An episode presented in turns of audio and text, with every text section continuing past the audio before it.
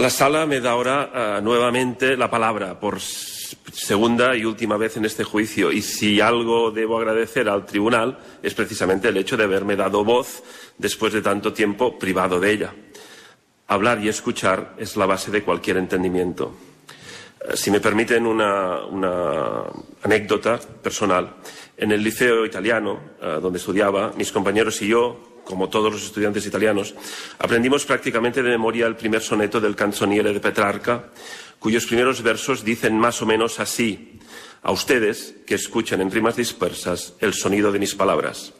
Aquella es la primera vez que un autor conocido y en lengua vulgar se dirige directamente a sus lectores y a aquellos que escucharán la lectura de sus poemas.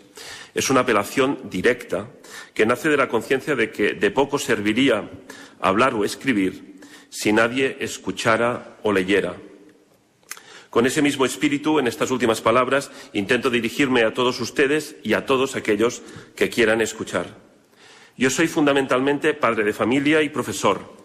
Mi dedicación a la política ha sido tardía y ha nacido como mi vocación docente, de la voluntad de servicio, de la voluntad de ser útil, de la voluntad de intentar construir un mundo más justo y más libre, un mundo mejor. Es difícil precisar cuándo adquirimos de forma plenamente consciente nuestras convicciones políticas, en Dos este caso, de de la tarda. mis convicciones democráticas, cívicas, pacíficas y republicanas, o incluso mis convicciones cristianas, pero son convicciones que tengo y que mantengo y que comparto con todos aquellos que creen que votar o que defender la República desde un Parlamento no puede constituir delito. La voluntad de diálogo, de negociación y acuerdo desde el respeto a los derechos humanos y a las libertades fundamentales jamás debería ser un delito.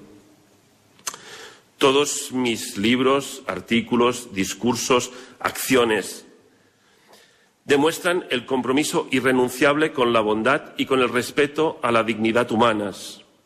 Todos aquellos que me conocen, incluyendo evidentemente a las acusaciones presentes en este juicio, seguro que son perfectamente conscientes de ello. Cualquier político, como cualquier persona, comete errores, pero siempre he evitado esa política, esa mala política, que niega el diálogo, la negociación y el acuerdo y que entiendo que les ha traspasado a ustedes la responsabilidad de dictar sentencia. Creo, sinceramente, que lo mejor para todos, para Cataluña, para España, para Europa, para todos, sería devolver la cuestión al terreno de la política, de la buena política, de donde nunca debería haber salido, devolver el asunto al terreno del diálogo, la negociación y el acuerdo.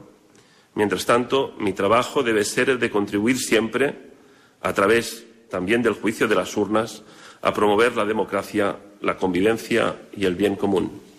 Muchas gracias por su atención. Muchísimas gracias.